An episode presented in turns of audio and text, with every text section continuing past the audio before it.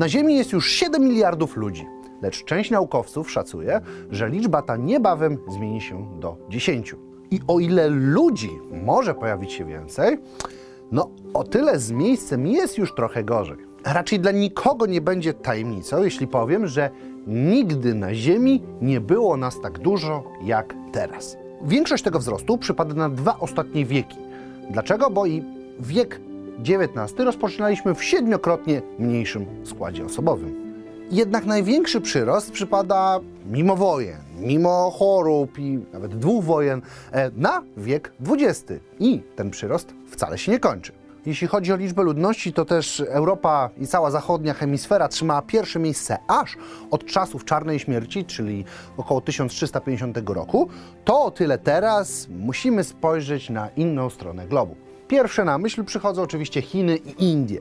Państwa, w których przyrost ludności był gigantyczny, no i dziś mieszka tam ponad 3 miliardy ludzi. Lecz procentowo ich wzrost jest po prostu niewielki.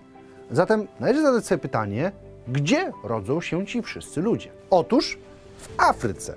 Weźmy pierwszy przykład z brzegu, no a może nie z brzegu, a z tabeli ONZ. Swoją drogą, jeżeli chcecie weryfikować źródła, to polecam Wam zawsze. Ja moje wrzucam zawsze w opis, na samym dole akurat są. I jak już tu jesteśmy, każdą wersję tego odcinka możecie również odsłuchać jako podcast, do których linki macie zawsze w opisie. Wracając do ludności. Nigeria, która przez 20 lat, bo od 1990 roku do 2010 zwiększyła swoją populację aż o 60%. Nigeria na dziś ma ponad 62 miliony populacji, a projekcje do końca dekady wcale nie są mniejsze niż te we wcześniej wymienionych latach. Te cyfry składają się na łącznie 62 miliony ludzi przyrostu i projekcje do końca dekady wcale nie są mniejsze. No ale to tylko jedno z przykładowych państw. Są też inne, takie jak Kongo, Tanzania czy Angola, w których przyrosty są równie imponujące. Jednakże po prostu liczba bezwzględna populacji jest mniejsza. Stąd te duże cyfry nie są aż tak gigantyczne. Co na to wpływa? No, tu czynników będzie kilka. A zacznijmy może od pierwszego. Po prostu w reszcie świata przyrost naturalny spada. Lecz nie musicie się martwić, bo nie wyginiemy. Po prostu świat i cała piramida przyrostu ludzi bardziej się stabilizuje i zamiast przypominać tylko już piramidę, e, gdzie dzieci mamy bardzo dużo, zaczyna wyglądać bardziej jak słup. Drugi element, który wpływa na gigantyczny przyrost w Afryce, jest powstrzymaniem wielu śmiertelnych chorób, które dziesiątkowały tam populację. Ponadto cały region stał się relatywnie bezpieczniejszy, dzięki czemu większa ilość osób dożywa od choćby nastoletności. I tu leży natura całego problemu, bo to, co widzieliśmy kiedyś w Europie, widzimy teraz w Afryce. E, największą szansą na dożycie jakichś dzieci do dorosłości było po prostu posiadanie większej ilości dzieci. Lecz w zachodniej hemisferze ten postęp przychodził stopniowo wraz z rozwojami, z odkryciami naukowymi. I tak z rodzin sześciodzietnych zeszliśmy do pięcio, cztero, trzy.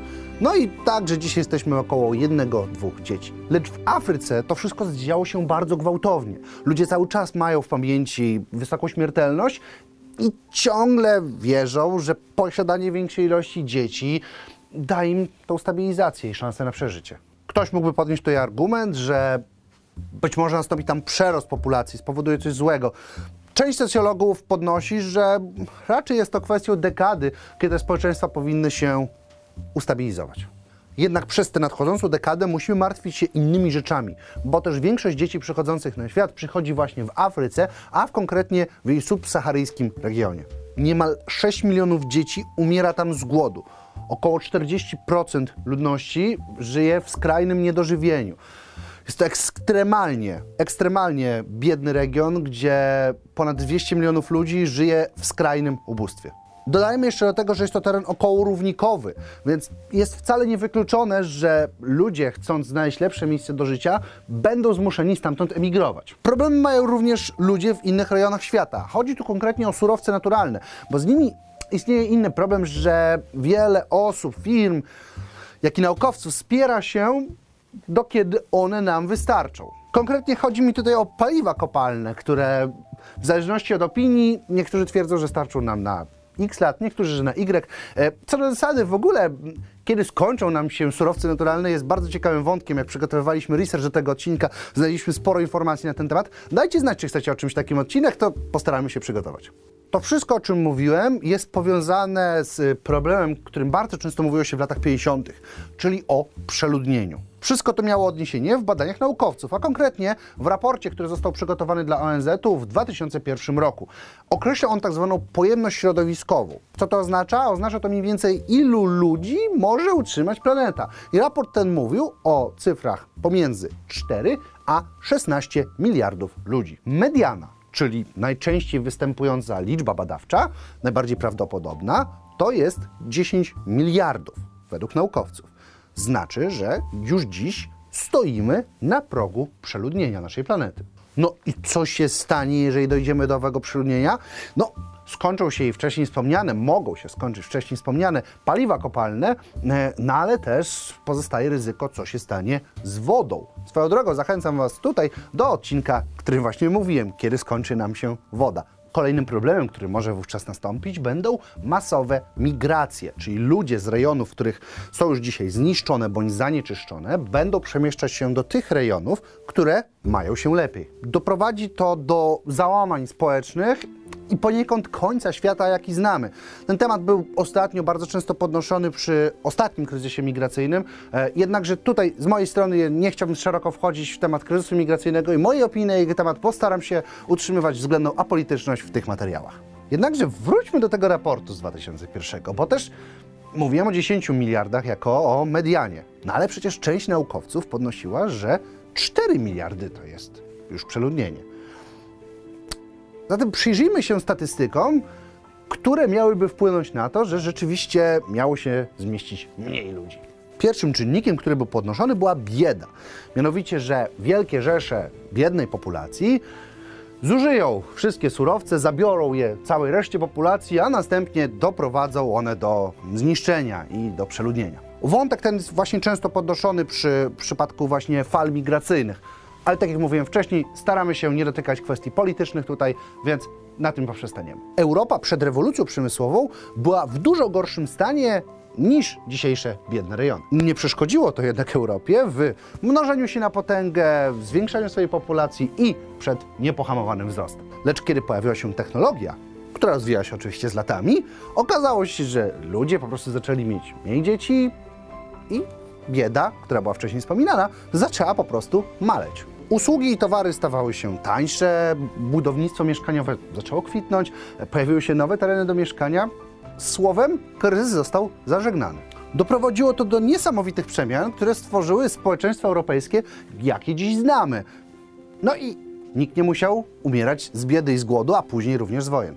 Zatem wracając do szybciej przytoczonego przykładu afrykańskiego, gdzie posiadanie większej ilości dzieci sprawiało i dawało szansę, że któreś z nich dożyje do dorosłości, więc w Europie, dochodzącej już do wieku XX, ludzie doszli już do momentu, że nie musieli już nagle mieć ich aż tyle. Społeczeństwa, a konkretnie jego piramida wieku, zaczęła się po prostu stabilizować.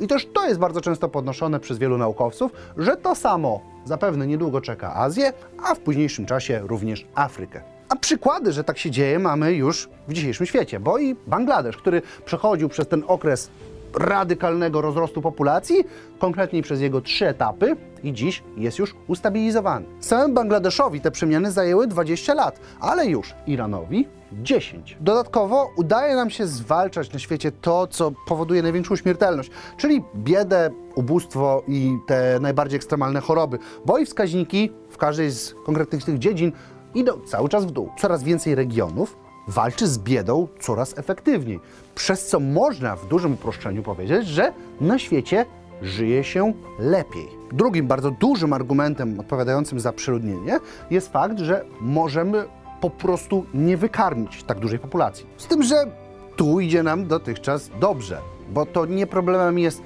czy jedzenie mamy, bo technologia poszła tak do przodu, że mamy go aż nawet za dużo, ale gdzie ono konkretnie jest. W Europie czy w Ameryce mamy tyle żywności, że jedną trzecią z wyprodukowanej jej wyrzucamy po prostu. Mamy też tyle żywności, że spora część populacji żyje w otyłości. Czyli tak jak mówiłem wcześniej, problemem nie jest sama produkcja i ilość jedzenia, a raczej to, gdzie ono się znajduje. Ponadto z pomocą również przychodzi nam tutaj technologia, o której również mówiłem wcześniej, bo i samo GMO pozwala nam modyfikować w taki sposób uprawy, że mogą one być stosowane w miejscach, w których dotychczas wydawałoby się to z pozoru niemożliwe. I mimo, że wielu ekspertów wieściło Ziemi przeludnienie, być może nastąpi tak, że Ziemia najzwyczajniej się ustabilizuje, jak i wszystkie istoty we wszechświecie, które są nam znane, dążymy również do stabilizacji. Lecz jak to zawsze z moimi przemyśleniami, to czas najczęściej weryfikuje. Dajcie znać, co wy sądzicie, jak wy czujecie. Też duża prośba, prośba do was. Jeżeli macie jakieś ciekawe artykuły, opracowania naukowe, nie tylko tematy, wysyłajcie mi je na maila bądź w innych formułach kontaktu, e, bo pozwoli mi to tworzyć fajne i ciekawe materiały. Dawajcie znać, co czujecie, co myślicie na temat tego e, zagadnienia. Jest one bardzo obszerne. Z mojej strony jest to bardziej popularnaukowe zagadnienie. Zachęcam Was również do kolejnego mojego materiału, jak i do subskrypcji kanału. Dziękuję Wam serdecznie. Cześć!